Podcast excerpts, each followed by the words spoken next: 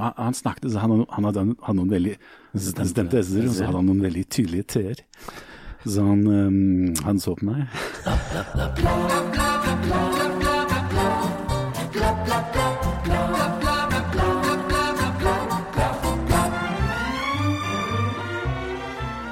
Mindre inntekter, mer utgifter, mindre jobb og mer trygd. Nei, dette er ikke privatlivet til Jan de neste 40 åra. Eh, Vi skal diskutere perspektivmeldingen, eh, vi skal møte en kjendis, og vi skal avsløre hvem den mystiske Terje Høiland er.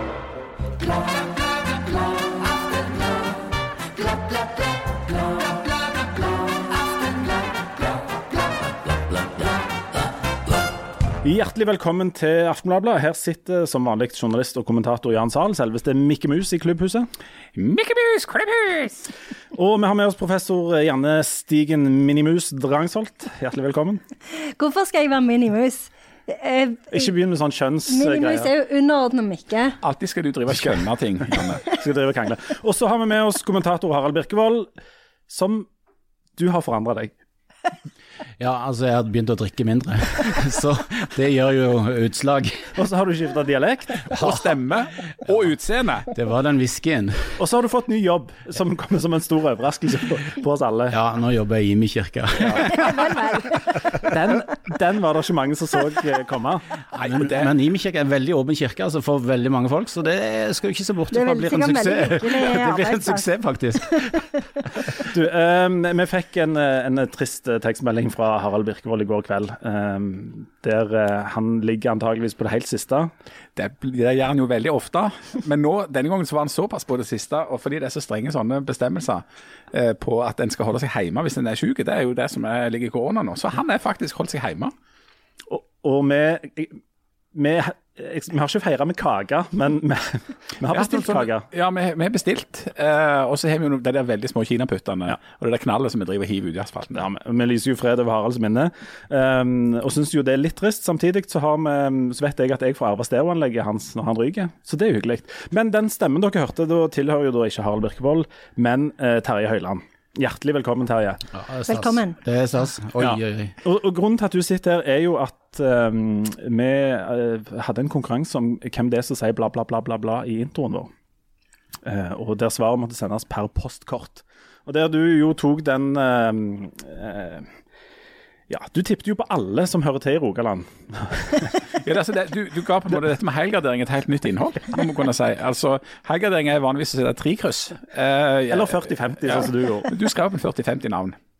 Men vi hadde jo lovt at, eh, at eh, vinneren av dette skulle få være med, og um, det er jo strålende å ha deg her. Eh, men, Ekstra flaks at det skjedde akkurat den dagen vi hadde et forfall. Ja, det var veldig magisk. Og så er det sånn at meg og deg kjenner hverandre litt grann fra før. Noe jeg ikke innså før etter sendinga sist, faktisk. Når jeg så Terje Høiland, så tenkte jeg herlighet, det må være en haug med Terje Høiland. Og så viste det seg det er det ikke. Det er bare én. Du, for de som ikke kjenner deg, um, så må du si litt om uh, hvem du er og hva du holder på med. Ja, altså jeg, kan oppsummere oppsummeres med to ord. Heftig begeistra og takknemlig. Eh, det Det var heftig begeistra og takknemlig. Det var fire ord.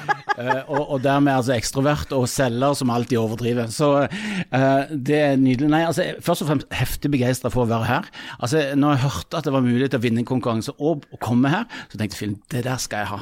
Og satt og trykte på og brukte app og prøvde å finne ut av, av hvem denne stemmen er, men ikke tale om. Så kom det jo noe hint uh, uh, i forrige uke på at uh, det var en kortreist, og det var den store svarte boksen i stua. Jeg tenkte det var en mandag, så jeg tenkte da lager jeg en hyllest av alle disse her viktige mannsstemmene, pluss Pia Tjelta selvfølgelig, som alltid må være med i enhver god film, ikke sant. Så Sally Nilsen og Mia Gunnarsen. Også selvfølgelig dere fire måtte være med i den hyllesten, og ehm, og jeg, jeg, jeg griner jo med Janne hver eh, onsdag ettermiddag og eh, skåler med Harald når han er oppegående Så blir nesten ateist, sånn som han på onsdag ettermiddag med Jan og har eh, nominert Leif Tore til Petter Dass-prisen og i det hele tatt eh, stor fan. Eh, Nemlig. Og dette her er veldig bra, fordi at du nevner jo at du blir nesten ateist. For du er jo ikke 100% fullblods ateist, og jeg er jo veldig glad for dette. For endelig er det en slags likevekt eller overvekt i studio av eh, rettroende her. Jeg er jo havner i en sånn artistisk pøl her til vanlig. For du jobber i eh, Imi kirke, sant? Det gjør jeg. Hva er din formelle stilling? Ja, det har jeg jo lurt på. Men, men eh, jeg valgte selv tittelen internasjonal leder da jeg ble ansatt i 29. eh, Og eh, får lov til å både jobbe med integrering. Jeg har bodd seks år på østkanten av Paris og lærte mye om baksida av getto integreringsutfordringer og sånn, og tok det med meg hjem og starta IMI språkskole bl.a., som har, eh, har lært over 500 stykker å, snakke norsk og komme over den kneika, og, det er jo et stort pluss for integreringa sin del. Vi kan komme tilbake til det i perspektivmeldinga eh, senere. Men Eh, Så det er en av tingene jeg jobber med. Fotfølge fotfølger Arne Viste. Jeg har lenge sagt at jeg går i fengsel med Arne Viste, helt til jeg satt tre uker på hjemmekontor og tenkte det kommer ikke på tale. Det kommer ikke til å skje, så jeg har endra litt på det og sier at jeg kan ta hånd om alt det utenfor muren hvis du må i fengsel. Og så, så har jeg en konkurranse med kona som eh, går på hvor mange land vi kan være i. Det er, det en dårlig konkurranse for tida, men, men hun har vært i over 60 land, og jeg har vært i Kambodsja over 60 ganger siden 2010. Eh, Og det har med at jeg har bygd et ledertreningsopplegg der. For du, det, dette er misjon, misjons, moderne misjonsarbeid, ikke sant? Det er det, det er, vi trener 2500 ledere i et land som mista alle sine ledere i eh, Pol Pot og den eh, 70-tallet. Um, utrolig spennende. Vi lærer nok mer enn de lærer oss, men, eh, men eh, jeg tror det har en betydning. Um, Og dette er jo din skrekk, Jan, å Ja, ja, ja, sitte men- med masse misjonærer. Hvis, ja, for hvis du føler at du havner i en sånn hedningepøl, så, så er jo min, mitt, eh, min sjokk og vantro at jeg havner i det kristne miljøet plutselig. At jeg skulle havne i sånn studio i sånn en kristen greie, det hadde jeg aldri sett for meg. Tenk hvis du plutselig hadde blitt omvendt, Jan. Ingen fare. Eh, men bare for å sagt to Og for De som ikke helt vet hvem Arne Viste er, så er det altså han som har ansatt eh, flyktninger som ikke har hatt formell oppholdstillatelse, og, og gitt i arbeid, og har blitt dømt i retten for at det skulle være ulovlig at han ikke får lov til dette. Stemmer det. Ja. Eh, Fastlåst i 20-25 år i Norge. Fremdeles mangler vi rett og slett en, en, en domstol som går inn i det um, Grunnloven sier om at eh, det skal legges til rette for ethvert arbeidsdyktig menneske å få jobb. Uh, og hva i den setninga som gir mulighet til å hindre folk i å få jobb, uh, er ikke så lett for oss å skjønne ennå. Nå er jo ikke vi jurister, så vi, vi håper at de etter hvert tar tak i den saken og, og går grundig inn i det, og, og forteller oss om, om det faktisk er lov, det de holder på med. Ja, han, han ba vel om å rett og slett havne i retten, så det er jo ikke, det er ikke alle som går rundt og ber om det. Nei, Han anmeldte seg selv og sitt eget firma. Det var, det var kostelig gøy. Altså, Jeg har vært med på, på når han ble eh, Det er veldig, veldig stor forskjell på hva folk syns er kostelig gøy. Det er mange nå i korona som tenker ja, når skal vi ha det kjekt igjen? Nei, men hvis vi bare melder oss til politiet, da eh, Politiet kunne bekrefte at det har ikke skjedd så ofte. Så, eh, men, men for et mot, eh, og en utrolig viktig sak. altså Vi tyner en 1000-2000 folk. Eh, I håp om at de bare gir opp og reiser tilbake til diktaturet de kommer fra. Eh, men det som venter de der, er så utrolig mye verre enn det norske myndigheter eh, så langt har, har kunnet gjøre. Håper de stopper. Sånn at forskningen forskning viser at det har ingen effekt. Det der. Denne Arne Viste-saken, hvor, hvor står den akkurat nå? Du er jo ikke i fengsel. Nei, han er Ikke han heller? Nei, Ikke heller ennå. Um, og um, nå går de på svakeste ledd. De- Istedenfor å ta Arne som arbeidsgiver, så går de på um, Nå er det, kommer det en sak i Stavanger tingrett om to uker, hvor de går på en ung familiefar, en nytt, nylig blitt far. Eh, som de går på istedenfor arbeidsgiveren, som er den skyldige her. Så Arne sier 'ta meg', politiet sier 'det kan du bare drømme om', vi tar svakeste ledd. De har gjort det med bedrifter tapt, nå prøver de seg på arbeidere, og det er jo fint. Så vi, kampen er langt fra over. Eh, Strasbourg ser på saken. Eh, vi har tre jusprofessorer som jobber gratis for å få den saken opp i Strasbourg. Det er jo utrolig gøy, eh, på sitt vis. Gøy er litt utvida perspektiv. Altså, gøy betyr mer enn Ja, OK. Men anyway. Det, det, det er veldig stas å få følge Arne, og, og den, det er en viktig kamp. Vi skal komme, oss, komme mer tilbake til det som, som du holder på med etter hvert. Jan, du holder jo først og fremst på å lese eh, tunge dokumenter og sakspapirer.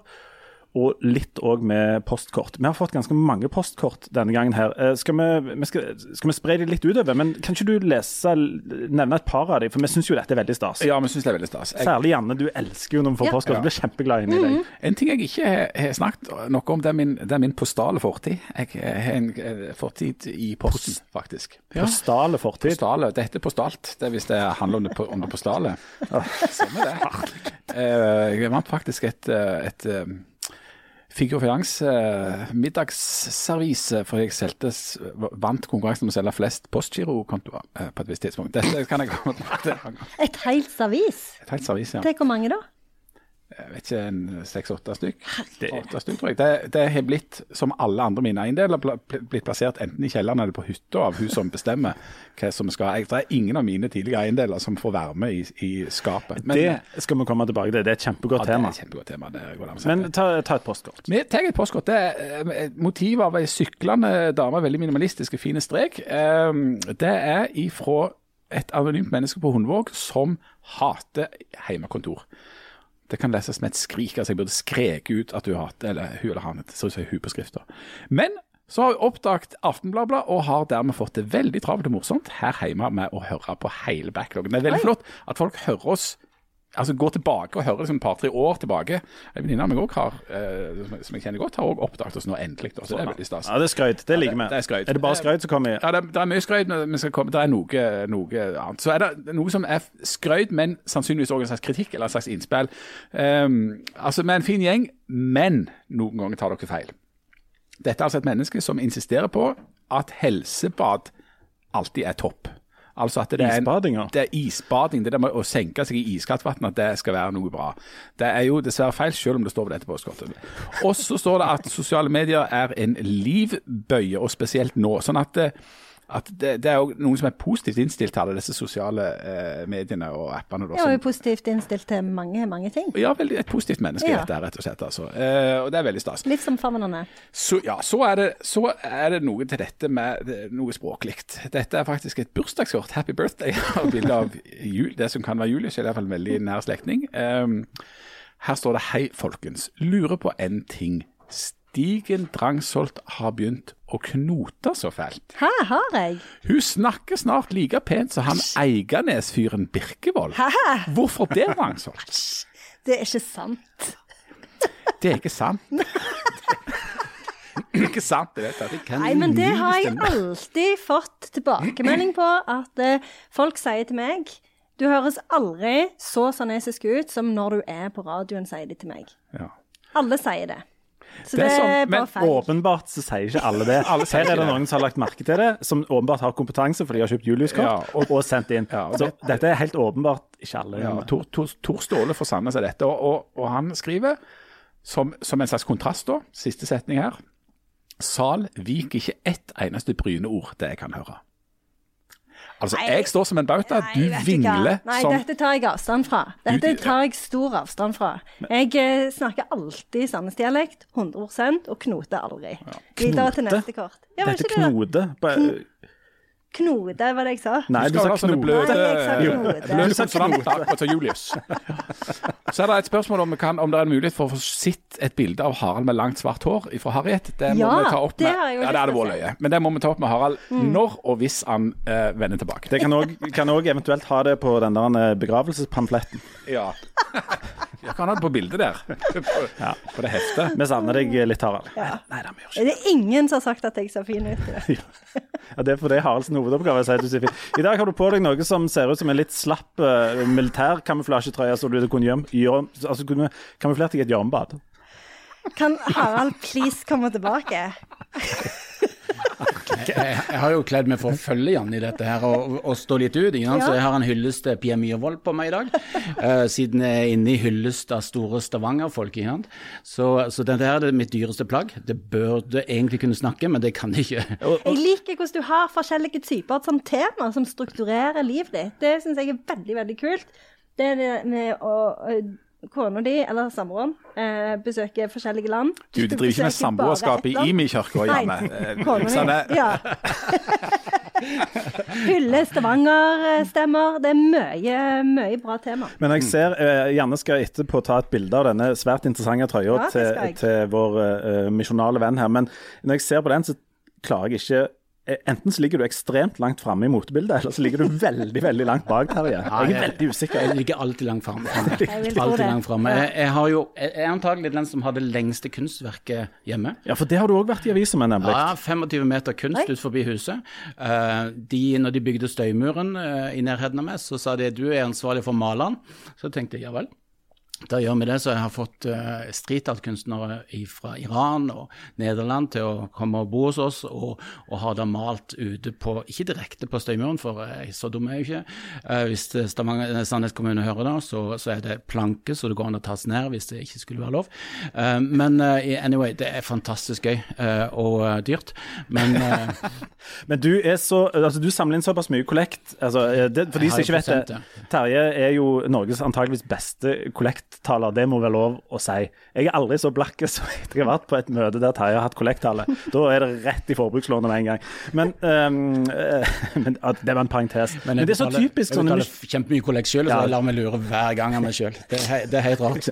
Mesteparten av den kollekten går jo da til, til, den kunsten du har i bakgården. Nå vet ja. folk det. Ja. Um, nå, Jan, nå uh, skal vi inn i ditt uh, din drømmeverden, vil jeg si. For det er én ting du elsker høyere enn livet sjøl og ungene dine. Og det er når Finansdepartementet har sammenstilt masse informasjon for å spå at Norge går unna i løpet av de neste 40 åra. Ja, nei, det er nydelig. Altså, jeg er, jeg er generelt glad i NOU-er, men, men, jeg skryter jo på meg mer enn jeg faktisk Altså, jeg leser det ikke nødvendigvis, men jeg syns det er enormt nydelig at Norge er, baserer seg på grundige utredninger. Eh, som ikke prøver å, å jåle seg til å være eh, sexy eller underholdende eller, eller kortfatta eller noe, noe ting som helst, men det er grundig arbeid eh, for å utrede ting, eh, for så å la politikken og samfunnet styres basert på på en måte et eller annet rasjonelt og så, og så, og så faktabasert som mulig. Og, og, og, og, Finansdepartementet er, jo langt framme i rekka der i, i, i, på en måte å være rasjonell og, ha regnestykke og to streker under svaret og alt dette her. Eh, men perspektivmeldinga, som det da eh, kalles, den blir lagd hvert fjerde år, og den ser da framover i tid. Eh, det er jo en litt lite eksakt vitenskap, da. Det er litt komplisert å si nøyaktig hvordan det blir akkurat fram til 2060, men det er det de prøver på. Altså, de prøver å, å analysere seg framover. Hva er det som er utviklingstendensene i Norge, og hvordan skal vi håndtere det? Hva er det de store grepene en må gjøre, og hva er de store utfordringene vi har framover? Det er det perspektivmeldingen handler om. Og Dette høres jo, høres jo antageligvis ekstremt kjedelig ut for veldig mange, inkludert eh, meg, før jeg begynte å lese den. Men dette er ganske godt stoff eh, når du først begynner å få tak i det. Um, for hva er det Altså, her ramser de opp uh, hvordan Norge kommer til å utvikle seg i de neste 40 år. Så trekker alle de der store linjene. Og um, hva er liksom de store trekkene? De store hovedpunkter Det er, står jo kolossalt med her, for det er 320 sider med tabeller og, og, og tall og ord. Men kort oppsummert noen hovedpunkt. Regnestykket AS Norge kommer ikke til å gå opp eh, fram til 2060. Altså, eh, Norge har en enormt omfattende velferdsstat, som jo baserer seg på at vi har vært enormt rike eh, og hatt kolossalt mye penger, og har hatt veldig høye ambisjoner i å lage et høyt sikkerhetsnett for at folk ikke skal falle igjennom, rett og slett. Det som er problemet fram til 2060, det er at det er for få folk som arbeider, og vi arbeider for lite til at vi vil klare å holde det nivået på den velferdsstaten framover, hvis det ikke skjer noen ganske kraftige endringer.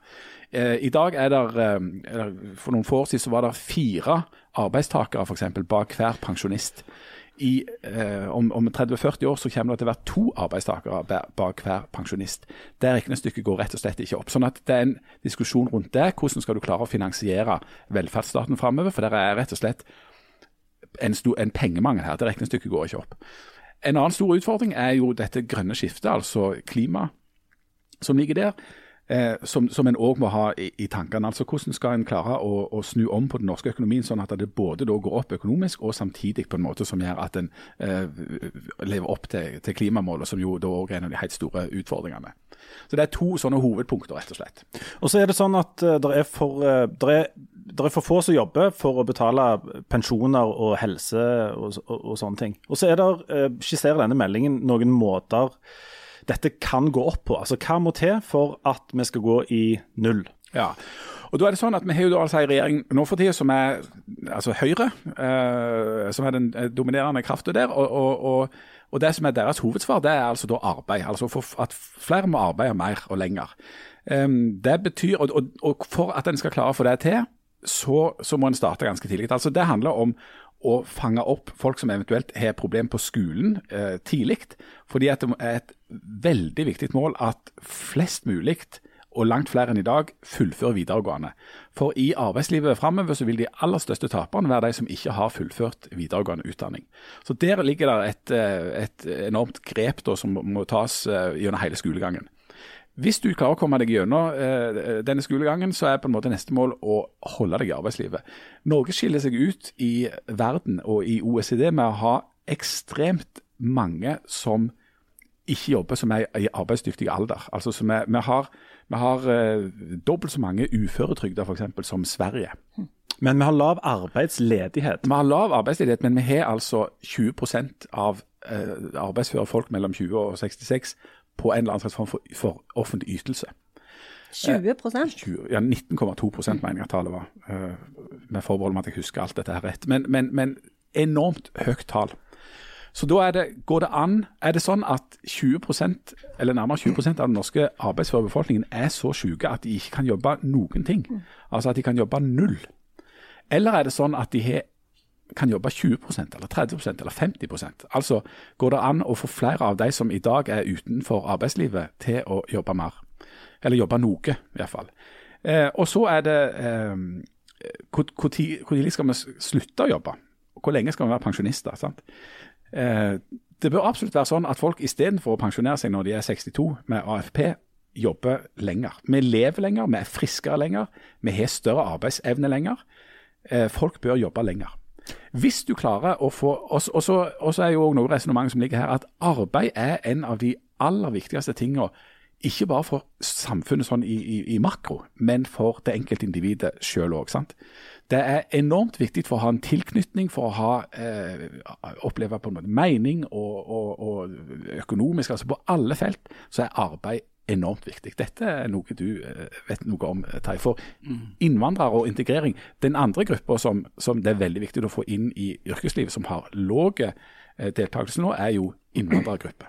Hva, hva, Terje, hva betyr en jobb for en person som kommer til Norge? Hvis vi ser vekk, altså, hvis vi ser vekk fra dette med inntekter og utgifter, altså om du, er, om du på en måte koster staten penger eller om du bidrar med penger inn, hva betyr en jobb for noen som kommer til, til Norge? Jeg tror det er veldig likt sånn som for oss at det handler om verdighet. Jeg tror det handler om eh, denne her gleden over å forsørge sin egen familie. Og, og den er enda sterkere fra kulturer hvor mannen eh, har en rolle. eh, Brannfakkel. Man har en rolle, faktisk, ja. Jeg noterer det. men, men, men hvor, hvor det fremdeles er et skjema at han skal ta hånd om familien. Og det å ikke kunne gjøre det er ekstremt tøft. Eh, og så trenger vi hele familien med, så, så, det bildet blir mye større når de har vært litt i Norge. Men, men jeg tror det betyr enormt mye verdighet og øh, verdi. Uh, og det å ikke ha uh, blir en enorm belastning for de, og dermed for samfunnet. Så det er en sånn dobbel gevinst der. Vi får folk ut av det som koster oss, og inn i det at de produserer verdi. Og jeg tror uh, perspektivmeldinga regnet på en milliard i pluss på eh, hvis vi får innvandrere eh, til å jobbe. Og Det er klart at vi jobber med med flyktningkontoret og sånn, og ca. 50% i hver kommune blir sysselsatt uh, av de som går på sånn introprogram. Og det er jo latterlig lavt. Og jeg har utfordra kommunen på at frivilligheten må på banen. Vi har et nettverk som gjør at de kan treffe arbeidsgivere som får tillit nok. Vi kan trene dem for å på en helt annen måte enn det kommunale kan, mye billigere. Sånn at vi får den siste 50 òg i jobb. Så, så, jeg har veldig tro på at uh, kirke og frivillighet kan spille en enorm rolle i å få dette til. Språk og jobb er de to viktigste integreringsgreiene. Og så er det um Um, så er det et spørsmål om um, dette med deltidsjobbing, um, Jan, som ligger oppi dette her. Fordi at det er for altså det, det, store bildet er at folk må jobbe mer, sånn i sum. Mm. Og så er det mange små komponenter der. Og dette med eh, fremdeles mange jobber deltid, er òg i praksis et problem. Ja, for hadde en fått flere til å jobbe fulltid, og igjen så skulle du trodd at det var interessen til arbeidstakere og arbeidstakerorganisasjoner. og liksom alle, Dette er jo sånt en snakker om på tvers av det politiske spekteret. Uh, i, Stavanger kommune med, med, med det, liksom, venstresidestyret her er jo veldig opptatt av det. er jo et av hovedpunktene til Mimir Kristiansson, det, at du må få folk over i, i hele stillinger. sant? Uh, men så er det jo et interessant spørsmål. Hvordan kan det ha seg at det er så lite altså, Hvordan kan det ha seg at så mange ikke jobber i Norge? Um, er det fordi at vi har en Altså, Vi lever jo da på alle indikatorer. Hver gang det er en sånn kåring av et eller annet som er best i verden, så er det liksom Norge på topp. Vi er liksom best i demokrati, vi er best i beste land å bo i. Det handler jo om utdanningsnivå, det handler om arbeidsliv, det handler om økonomi, det handler om absolutt alle ting. Hvordan i all verden kan det ha seg at vi har så mange som ikke jobber? Er det fordi at vi har en mye sykere befolkning? Altså at helsa til, til nordmenn er mye dårligere enn til svenske eller danske eller, eller andre eh, europeiske land? Ingen grunn til å tro det. Eh, altså, Det er ingen indikatorer som tyder på det. Eh, er det fordi at vi har et mye råere arbeidsliv enn f.eks. USA eller, eller andre plasser? Eh, det er vel ingen grunn til å tro på det heller? Ingen grunn til å tro på det heller. Sånn at Det som er litt av dilemmaet og litt sånn elefanten i rommet, det er jo at der Norge skiller seg ut, det er at vi har veldig gode velferdsordninger. Altså bedre enn i mange andre land. Altså, er det sånn at vi har ja, at, at, at Altså, er det, for, er, er, det, er, det, er det, for mye? Ja, Du kan jo stille spørsmål ja. om de andre land har for lite, da. Ja, eller så kan du spørre om andre land er for lite. Men, men, å få til den balansegangen mellom at du at det er et sikkerhetsnett som gjør at vi tar vare på de som har behov for det. Altså at, at, at du, skal, eh, du skal få hjelp når du trenger hjelp, men allikevel få til sånn at det, det lønner seg å arbeide. Det blir tilrettelagt for at du skal kunne arbeide selv om du eh, altså, altså, altså, litt sånn tilpassa deg selv. Altså, det er i alles interesse at begge de der to tingene går opp. Det er f.eks. i på en sluttfasen av arbeidslivet så, så, kan det jo tidvis nå virke som om det er en, en motsatt, et motsatt ønske fra arbeidslivet fra det som er eh, ønsket fra staten, altså at folk sitter lenger i jobb. For mens staten gjerne vil har økt pensjonsalderen og gjerne vil at folk skal jobbe lenger, så er det veldig mange bedrifter som, som pensjonerer folk veldig tidlig, rett og slett. Eh, det kan være fordi at, jeg fordi at en liksom ikke har, er god nok på, på, på, et eller annet moderne, eller at en, en liksom skal ha disse ungene. Altså, men å klare å skru til sånn at det passer både for arbeidslivet, at arbeidslivet er innstilt på det samme på det som, som det staten og, og, og hele Norge trenger. Eh, der ligger det nok en, en, slags utfordring. Ja, for det er jo sikkert en sånn en mentalitetsendring som må til òg. For det, eh, det, var jo ikke så lenge siden det kom ut en sånn en undersøkelse over hvem som har mest altså hvem som blir mest respektert uh, og lytta til i et samfunn, og da er det, eller i, i Europa, da. Og Journalister da fra Spesielt journalister fra Hommersåk, men som en god nummer to, folk mellom 40 og 50. Og så går det jo ganske raskt ned etter 50, og særlig for kvinner. Kvinner over 50, ingen hører på dem, alle hater dem. Men vi skal ta en kjempekjapp pause, og etterpå skal eh, Jan forklare hvorfor Janne Stigen Drangsholt er det perfekte mennesket for den norske staten. Vi er tilbake om eh, veldig kort tid.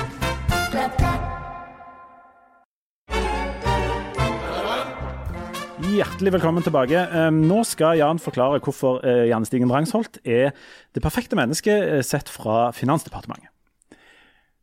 Hun er dame. Det er veldig interessant å se utviklinga de siste 40 åra på kvinners både yrkesdeltakelse og utdanningsnivå.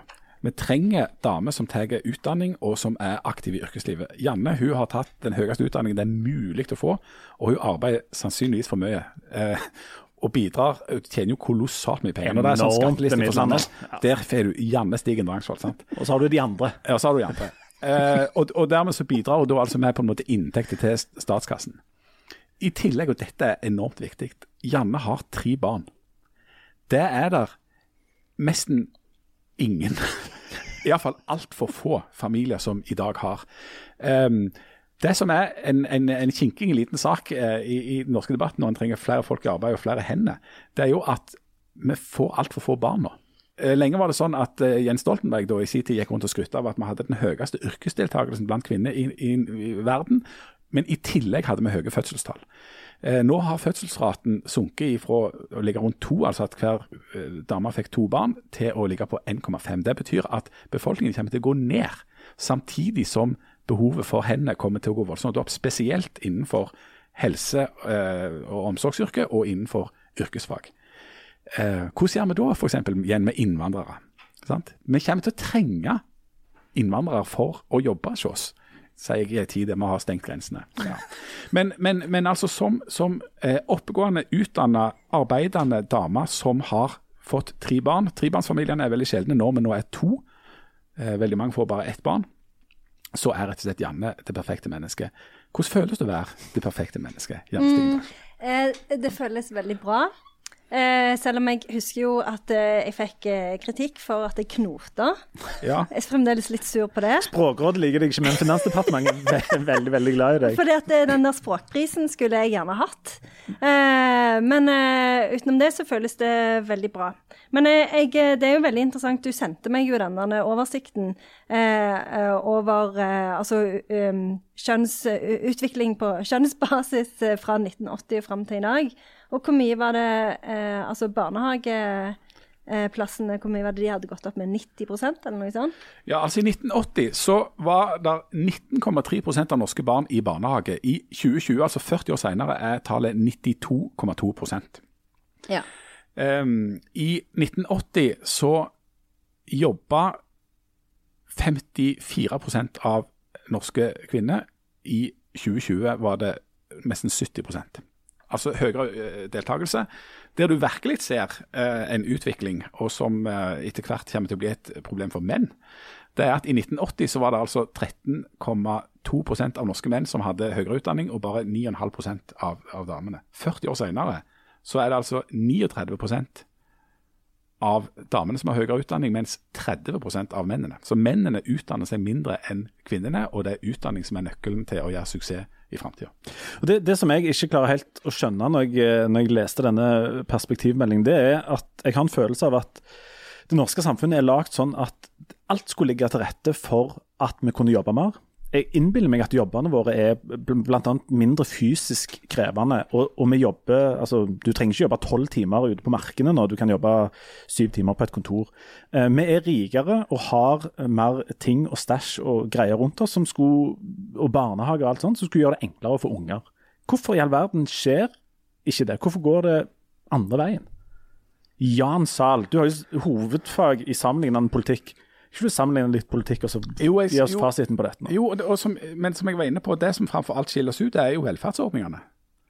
Um, og den, den stygge tanken er jo å, å si at, det er at velferdsordninger skaper på en måte behov eller etter, etterspørsel etter velferdsordninger. Altså, altså, hvis du har ordninger som er tilpassa det som er behov eller etterspørselen, så er det én ting. Men hvis det er sånn at du lager ordninger som gjør at det blir eh, ja, at, at det blir altså, Ja, det, det- det, faktisk, Jeg kan ikke si for lett eller at noen vil, for det er ingen som vil ikke jobbe.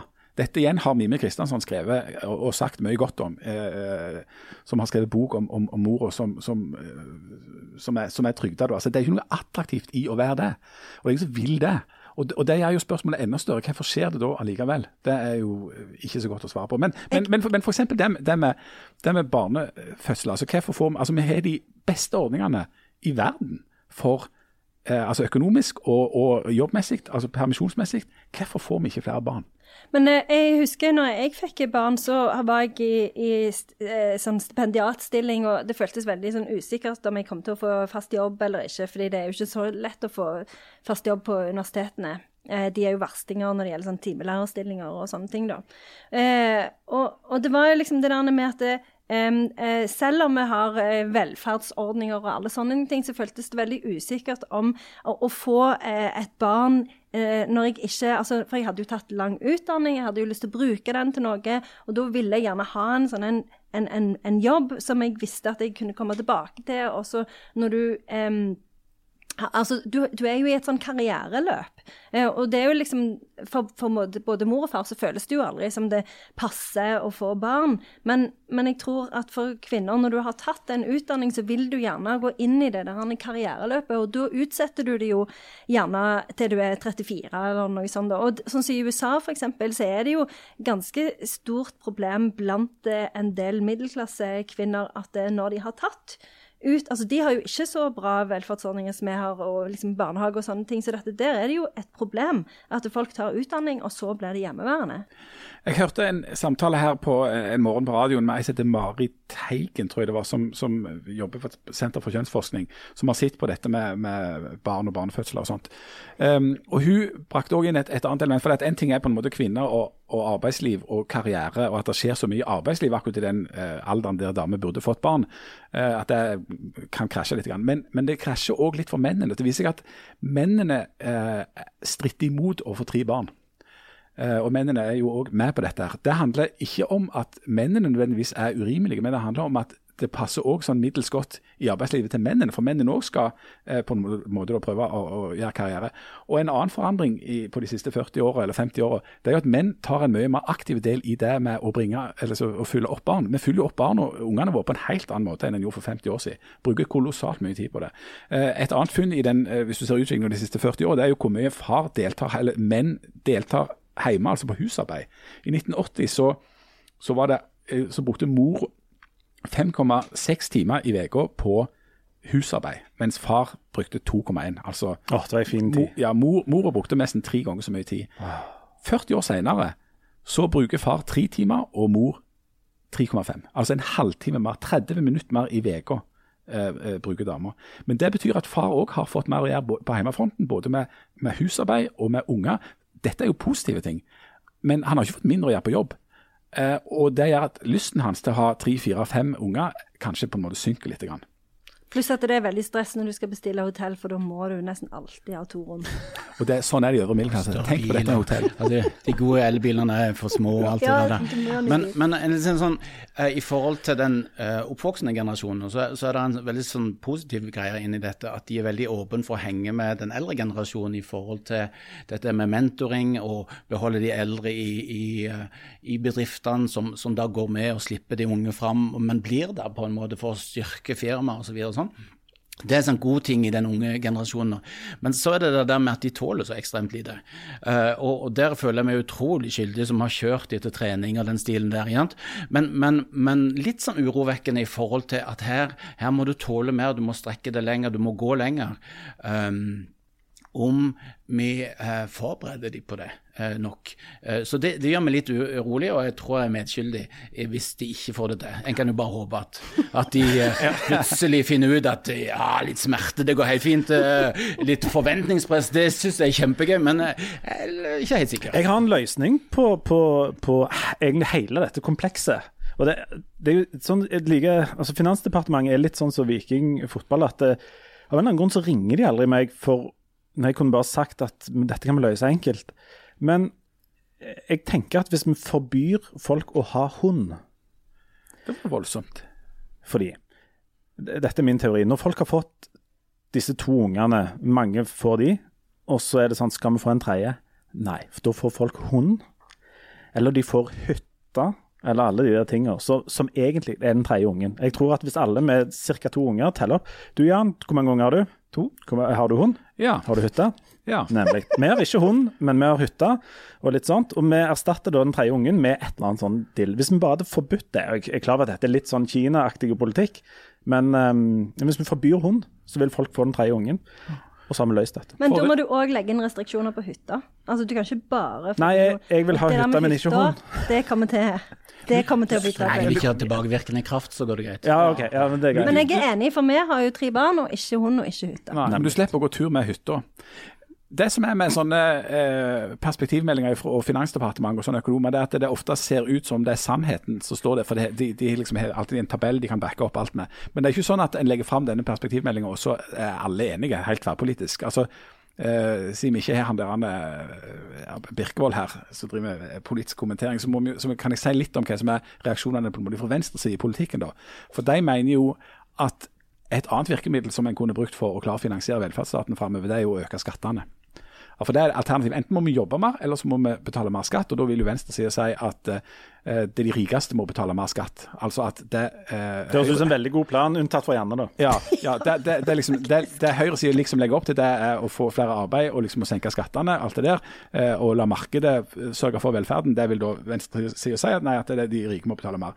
Men skatten må, altså dette har jo de regna på i Finansdepartementet. Skatten må gå ganske mye opp, fra rundt 24% til 32% hvis du skal ikke får gjort noe med yrkesdeltakelsen. Et annet forslag som jo har vært oppe, som du skal enda litt lenger ut på venstre side, det er jo å, å, å si at OK, um, vi må dele mer på de jobbene som finnes. Altså en, en jobber kortere. Flere som jobber, men de jobber kortere, f.eks. sekstimersdag. Det har jo òg økonomene regna på. Det kommer til å bli kanondyrt, så det avviser de jo kontant. Ikke at jeg tror at Rødt og SV dermed dropper det, men, men, gjerne- men, men, men, men, det finnes alternative måter å tenke på hvordan dette skal gå opp. Janne har jo sagt at hun nekter å gå opp til sekstimersdag uansett hva som kommer til å skje, skje i framtida. Et, et, et lite element. Olje er jo viktig i den norske økonomien, Jan. Um, og uh, både inntektene og, og på en måte disponeringen av oljefondet er jo sentrale her. sant? Vi, vi har et svært fond med masse penger som vi bruker litt og litt og litt. Og litt, og sånn som nå i, under koronaen mye mer. Um, den, disse perspektivmeldingene de, de oppdateres med gjennom mellomrom, bl.a. med verdien av oljefondet. Og En av de tingene som òg står her, er vel at dette fondet er verdt mye mer enn det de trodde for fire år siden. Så det er en liten sånn kompensasjon der, samtidig som alle ser at oljeinntektene kommer til å gå nedover. Ja, altså, og, det, og det er jo helt genialt, det der eh, oljefondet. og Det er jo en helt fantastisk måte å ha disponert rikdom på. sant? Eh, eh, tradisjonelt i historien så har det vært sånn at hvis du har tjent grassat med penger, så har du brukt de opp på en eller annen krig eller, eller noen svære slott. Eh, eh, og så har det vært vekke. Men at en har bygd opp et fond som kommer til å være en buffer mot de der eh, regnestykkene som ikke går opp framover, det er jo helt eh, fantastisk, egentlig, omtrent i verdenshistorien. Men da har vi altså bygd opp et kolossalt fond basert på den, denne skitne olja som alle vil bli kvitt, men det er altså olja som eh, vil finansiere og vil få dette her til å gå opp. Og Så er det hvordan skal du da håndtere olja. For olja kommer til å være der framover, men hva slags andre typer arbeidsplasser skal vi ha? Hvordan skal vi ellers klare å finansiere oss framover? Løsningen er jo at alle skal bli sånn som Janne. Janne. Eh, perfekt eh, menneske for Finansdepartementet og, og litteraturelskere. Du, vi, Kunne Norge- jeg fått et sånt diplom? Er det, eh, kan jeg få et diplom på det? Jeg skal ordne et Ja. diplom til deg, jeg lover det. Eh, hvis noen har lyst til å lage et diplom til Janne og sende oss i posten, så tar vi veldig gjerne imot det. Du, eh, Norge har oljefondet. Det er det virkelig ikke alle land som har. Du Terje, du jobber, har jobbet mye og vært mye i, i Asia, i Thailand, Thailand og Kambodsja. De har jo ikke noe oljefond som de kan bruke nå når pandemien slo ned i verden. Hvordan er forholdene der borte akkurat nå? Det er utrolig krevende. De gjør det like godt i Kambodsja som i Norge i forhold til virushåndtering. De har lavere dødsfall. Eh, vår fordel er at vi har sånn et nettverk ut i alle fylkene i hele landet, sånn at det har kunnet følge med. Er det mer begravelse som skjer, eh, og det er mye mindre, sier de. Eh, og samtidig så er alle grensene stengt. Eh, noe som er et kjent tema her òg, og funker skikkelig bra i forhold til virushåndtering, men utrolig dårlig for økonomi. Så det er veldig kollaps. Jeg husker når jeg var i Kambodsja i slutten av februar. Da var allerede kineserne vekke, og mange av sørkoreanerne og andre var, hadde allerede blitt sånn stengt ute. Eh, og han som kom fra hotellet for å hente oss, han sa at du, jeg tar bare bagasjen ut i bilen, og så, og så venter på dere der, vi skulle ha et sånn SIM-kort og sånn. Så nei, det gjør du ikke, jeg finner deg ikke på den store parkeringsplassen. Og han liksom nei, nei, nei, ok, jeg bare står her. Og så, så kommer vi rundt hjørnet, og så står det fire biler på den gedigne flyplassparkeringa i Siem som er, er den største turistbyen i, i Kambodsja med Angkor Wat og alt dette her. Uh, og, og da begynte vi å skjønne alvoret i det som skjedde, og det var jo i slutten av februar. Uh, og etter hvert så begynte folk å sulte. Um, det var områder som fortalte om familien som gravde fram røtter fra bakken ut forbi der de bodde for å, for å overleve. Eh, Det var eh, mødre og fedre som smugla de unge mennene over til Thailand via antagelig Pol Pot sine uh, smuglerruter i, i sin tid for at de skulle jobbe illegalt i, i Thailand og bringe litt penger tilbake. Um, og så, um, når en da endelig skulle få ris, uh, risen på plass, så kom det flom. For da åpna Kina uh, sluse opp i Mekong, og det bare flomma noe helt sinnssvakt. Og uh, 40% av risen gikk tapt. Eh, Og Da satte kirkene i gang å dele med det de hadde. og Det som har vært utrolig eh, spennende å se, er at de har ikke hatt noen vestlige til å hjelpe dem, men de har bare steppa opp. Eh, og eh, kirka er jo ofte det mest geniale når det er krise, for de har et sykt nettverk utover der som ingen har. Ikke Røde Kors og ikke statlige myndigheter eh, på den måten der, sånn at de får hjelpen ut utrolig fort. og har klart å takle det, men, men det har vært, det har vært eh, ekstremt eh, krevende å sitte og se på dette fra Norge. Og, og um, vi har kunnet bidra med litt, men, men, men, men de, har, de har rett og slett håndtert det. Men det, det er sinnssvakt uh, vanskelig for dem. Uh, og jeg ser Thailand ennå venter med åpne for turister. Uh, I visshet om at slipper vi viruset inn, så, så har vi helt andre problemer. Er det, er det mangelen på, på Janne og andre turister? Janne er jo nokså nokså sugen på å komme seg ut, i, ut, som turist. Men er det mangelen på turister som er det største problemet i eh, disse landene? Ja, det er det. Og så er det jo klesindustrien som er ekstremt stor. Jeg kan jo si mye negativt om det, men, men, men det gir jo faktisk jobb til 800 000 mm. uh, kvinner, fortrinnsvis i Kambodsja. Så det er klart at når salget uh, har gått ned, og det har vært vanskelig å bringe ting fra Asia til Europa, så, så har det vært permitteringer, uh, og de tre dollarene de tjener i, til dagen, kommer ikke. Og um, de, de, er forholdsvis vant til å leve med sult i Kambodsja. De, de, har en historie på det, så de tåleevnen de sine er mye høyere enn mange andre. Uh, men det, det, det, er utrolig krevende å, å, se hvordan det har berørt en sånn, sånn nasjon og satt de tilbake. Men de, de klarer å, å holde koken, og så kommer Kina inn. Og Kina har jo da eh, vært ekstremt smarte i denne tida og bygd, eh, kommet enda lenger i denne her eh, tenkningen til president Xi. Jeg har lest boka hans på, på han, hvordan han har bygd Kina nå, og ligger i forkant av planen der. Og nå fikk han uh, akselerert den internasjonale agendaen sin. Uh, helt genialt hvis en ser det fra, fra Kinas side. Um, krevende for mange andre, for de kommer òg inn med fullstendig mangel på menneskesyn, eh, teknologi på overvåking. Eh, de historiene som nå kommer ut fra interneringsleirene i Kina, er, helt grufulle. Jeg leste meg opp på BBC her om dagen. Det, var faktisk krevende å lese hvordan kvinner voldtekt, uh, hver kveld tas til voldtekt i de leirene. Uh, og det er folk som har jobb der, som da har greid å rømme ut av Kina og fortelle disse historiene. Noe som Kina selvfølgelig bemerker, og sikkert kommer til å møte opp på døra mi i morgen for å, for å ta. Men jeg har gitt opp å komme inn i Kina, så det, den tar jeg. Men, men, men Kan være vi trenger en ny vikar til neste uke. Hvis det er noen som ikke er tatt av kineserne neste uke, så send oss et postkort. Ja. men, men det er, det er mm, litt andre type koronaproblemer enn det vi har i Norge. Ja, det er det. Vi er jo utrolig heldige og takknemlige. Fytti, vi lever i verdens beste land. Og jeg syns regjeringen vår har, har, håndtert dette her suverent. Vi syns jo det er sinnssvakt uh, kjedelig å, å, ha Norges største kirkebygg i Stavanger og kunne ha lov til å ha ti stykk. Uh, så det, det Det blir ikke mye kollekt av det? Nei, altså vi, vi, merker jo det. Vi har vært permittert for, for, av den grunn, men, men det er en bitte liten ting i den store sammenhengen her. Vi 60% fra Nav i verste fall igjen. Så mm. herlighet, det kan vi Også så mye vi får tid til å fikse hjemme.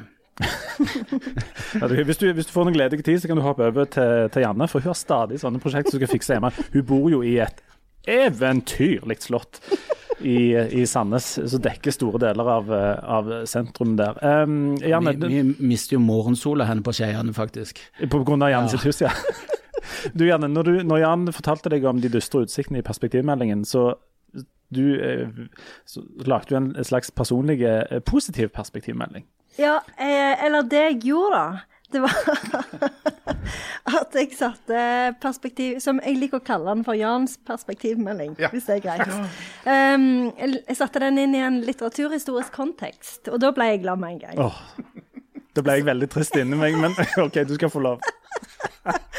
Nei, fordi at hvis en tenker på at det, eh, Jan sin perspektivmelding hører inn i sjangeren utopia, så blir det jo med en gang litt lysere. Og da er det jo sånn det første utopiske, det som en tenker på, det er jo En snakker om, av og til om det som en roman, men det er jo egentlig ikke det. Men det var det i hvert fall Thomas More som skrev i 1516 eh, på latin. Da skrev Det var han som fant opp ordet utopia. Det betyr jo både et sted som ikke finnes, og et bra sted. Eh, og da lagde han et sånn et samfunn, så for seg et sånn et samfunn som bodde på ei øy, eh, og som hadde det helt fantastisk. Det var et eh, totalitært, eh, patriarkalsk styresett hvor uh, noen få hadde det kjempebra. Jeg følger han helt ja. til døra foreløpig. og hvor uh, det var sånn at hvis du gjorde noe galt, da, uh, så ble du automatisk slave. Og det, det, var alle på 1500-1600-tallet, de syntes dette var helt tipp topp. Sånn som det Unntatt slavene kanskje syntes ja. det var litt dritt? Ja, men de, de hadde ikke så mye og, og, mange gode talerør, så mm. det var ikke så lett å høre hva de sa. Så det passet jo helt perfekt. Men, eh, så, og det som er med eh, sånn som så eksempel eh, nå i vår tid, og altså en kan egentlig si fra 1800-tallet og framover, så er det jo helst dystopien som har eh, regjert. Så det er jo veldig sjelden at noen skriver noen utopier nå lenger, men det som er på en måte altså det, det som driver utopien framover, det er jo dette her håpet, da. Om at en skal lage eh, et godt samfunn. Og sånn som en så med Thomas Moores sitt samfunn, så er det jo eh, vanskelig å lage et samfunn hvor alle har det bra. Eh, men Eh, tankegangen der var at til og med slavene kom til å få det litt bedre enn det de hadde det eh, da. Eh, så, så, det er jo dette her eh, menneskelig altså Det står jo i Bibelen tro, håp og kjærlighet. Det er jo det som på en måte driver mennesket. Hører du, Jan? Eh, og Ja, eh, utopien er jo eh, prega av altså Det drives jo av dette håpet, da. Om at en skal klare å lage et sted hvor folk har det bedre. Og det er jo det som òg driver Jan sin perspektivmelding. Og når jeg tenkte på det på den måten, så ble jeg glad igjen. For det er jo Altså, Norge har jo verdens beste utgangspunkt som dette kjemperike landet. Altså, Vi har alle forutsetninger for at dette skal gå bra. Og så er det bare å få det der regnestykket til å gå opp. At det ikke er liksom At det er røde tall i milliardene. Da blir det herlig. Jeg, jo, jeg jobber jo med håp dag ut og dag inn, men, men det som hadde vært ekstremt bra, var om vi fikk en tverrpolitisk visjon. For de, for de neste årene som på en måte løfter dette her, som tar opp i seg klima, som tar opp i seg dette med for innvandrere jobb i forhold til å, eh, å bygge et samfunn da, eh, som, som eh, det, det, det hadde vært gøy. Det hadde vært skikkelig gøy hvis, hvis det, det ble liksom Dette er noe vi skal bygge sammen, uh, type greier. At vi kommer litt ut av det der, der diskusjonen hvor en har inntrykk av at en bare hører halve samtalen. Det er utrolig lite givende, og ofte så tar jeg feil hvis jeg kommer hjem og kona snakker med en mannsstemme i telefonen og ikke vet hvem det er og ikke hører det andre, så, så er det lett å gå feil. ikke sant? Men med en gang du hører at det var sjefen, så, så er det jo noe helt annet. ikke sant? Det er det de sier de alltid. Ja, men, men det funker hos meg. altså. Tillit er en greie. greie. Men, men en, en visjon hadde vært utrolig spennende, som ikke forandrer seg hvert fjerde år. Altså sånn, Nå er det dieselbil som er det eh, lure. Nei, nå var det elbiler, og så er det kanskje hydrogen i, i, i morgen. Eh, en brannfakkel. Jeg tror jo vi må ha mye mer vindmøller opp på land. Uh, og til vanns. Hvis ikke kineserne tar deg, så vet jeg en annen bande som kommer til å ja, komme og ta livet av jeg, jeg elsker sånne, sånne greier. Men, men, men, jeg, men jeg tror jo jeg tror vi, vi må ta inn over oss at vi trenger strøm.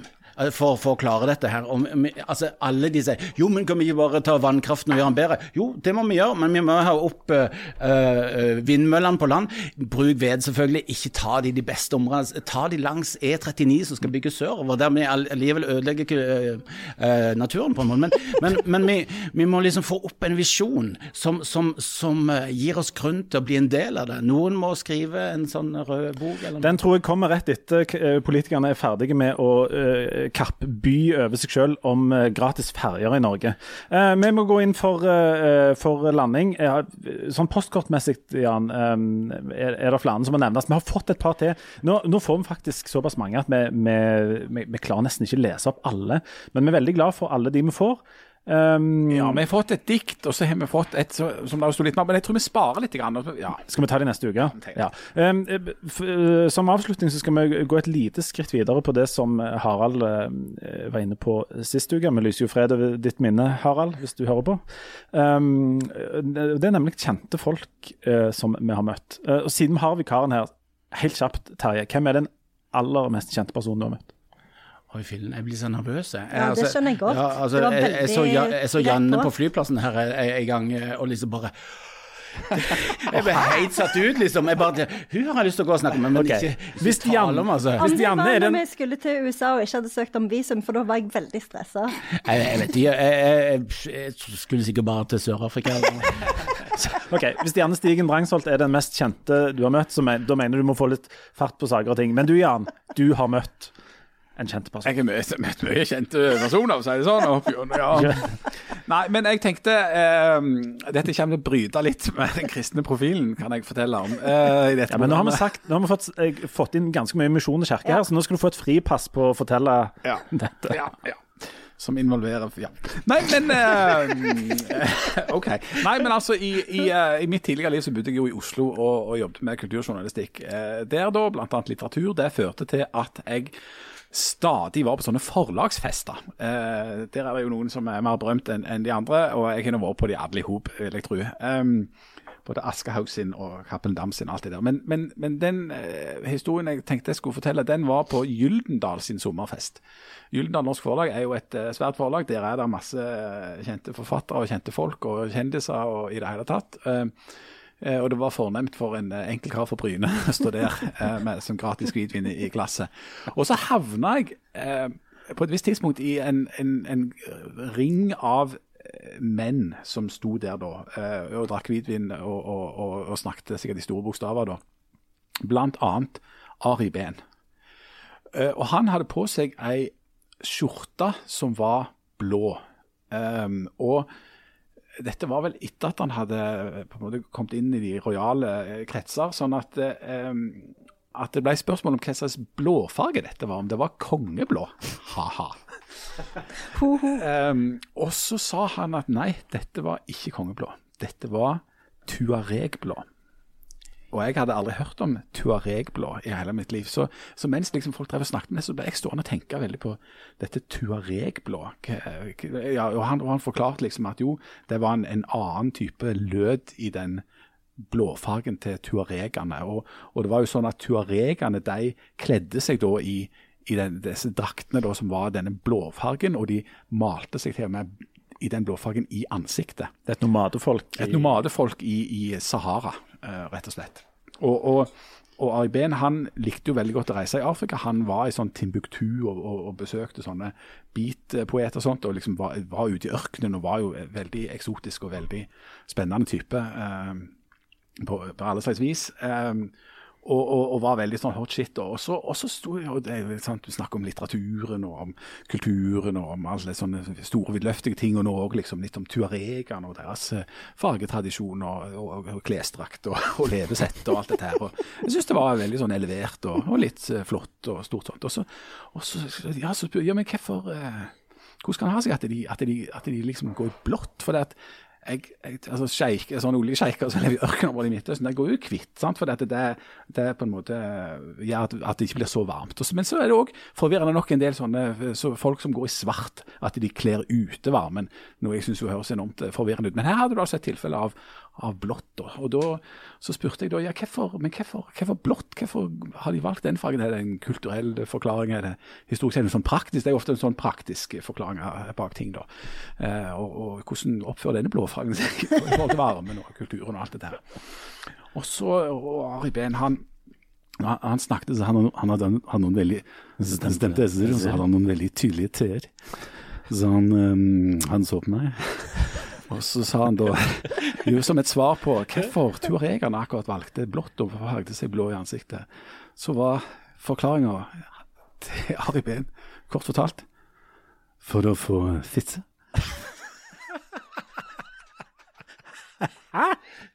Det må jo ha funka, for de er jo ikke utdødd. Som var et brudd med det jeg hadde trodd. Eh, og som gjorde at jeg kom helt sånn Hva skal jeg nå si? ja, hva gjorde du? Jeg sa, øh, jeg tror jeg mista på en måte hele ansikt, eh, ansiktet mitt og ble bare stående der som en, som en torsk. Men han var helt sånn vanlig. Ja. Altså, som, som god nummer to i forhold til kjendiser, så, så traff jeg jo Push-Wagner her i Stavanger før han døde.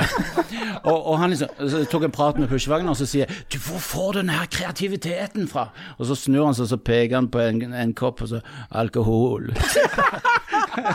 så ja. Ofte, ofte, forklaringen er ofte enklere enn vi liker, men den, den var jo god, den.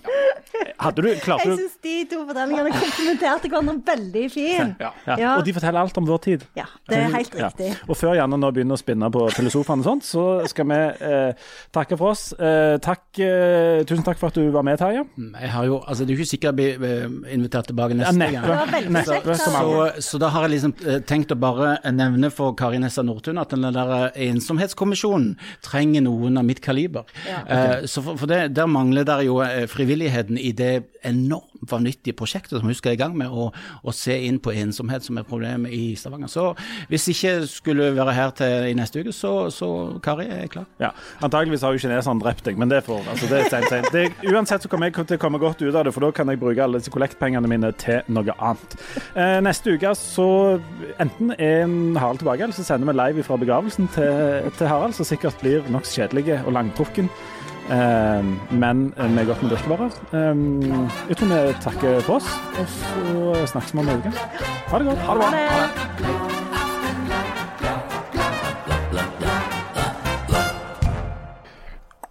Du, eh, Harald, vi får ikke kontakt med Harald. Han ligger nok da for døden, så han, vi lyser bare fred over hans minne. Ja. Også, Men det var kjekt å bli kjent med han. Ja, det var Ja, ja.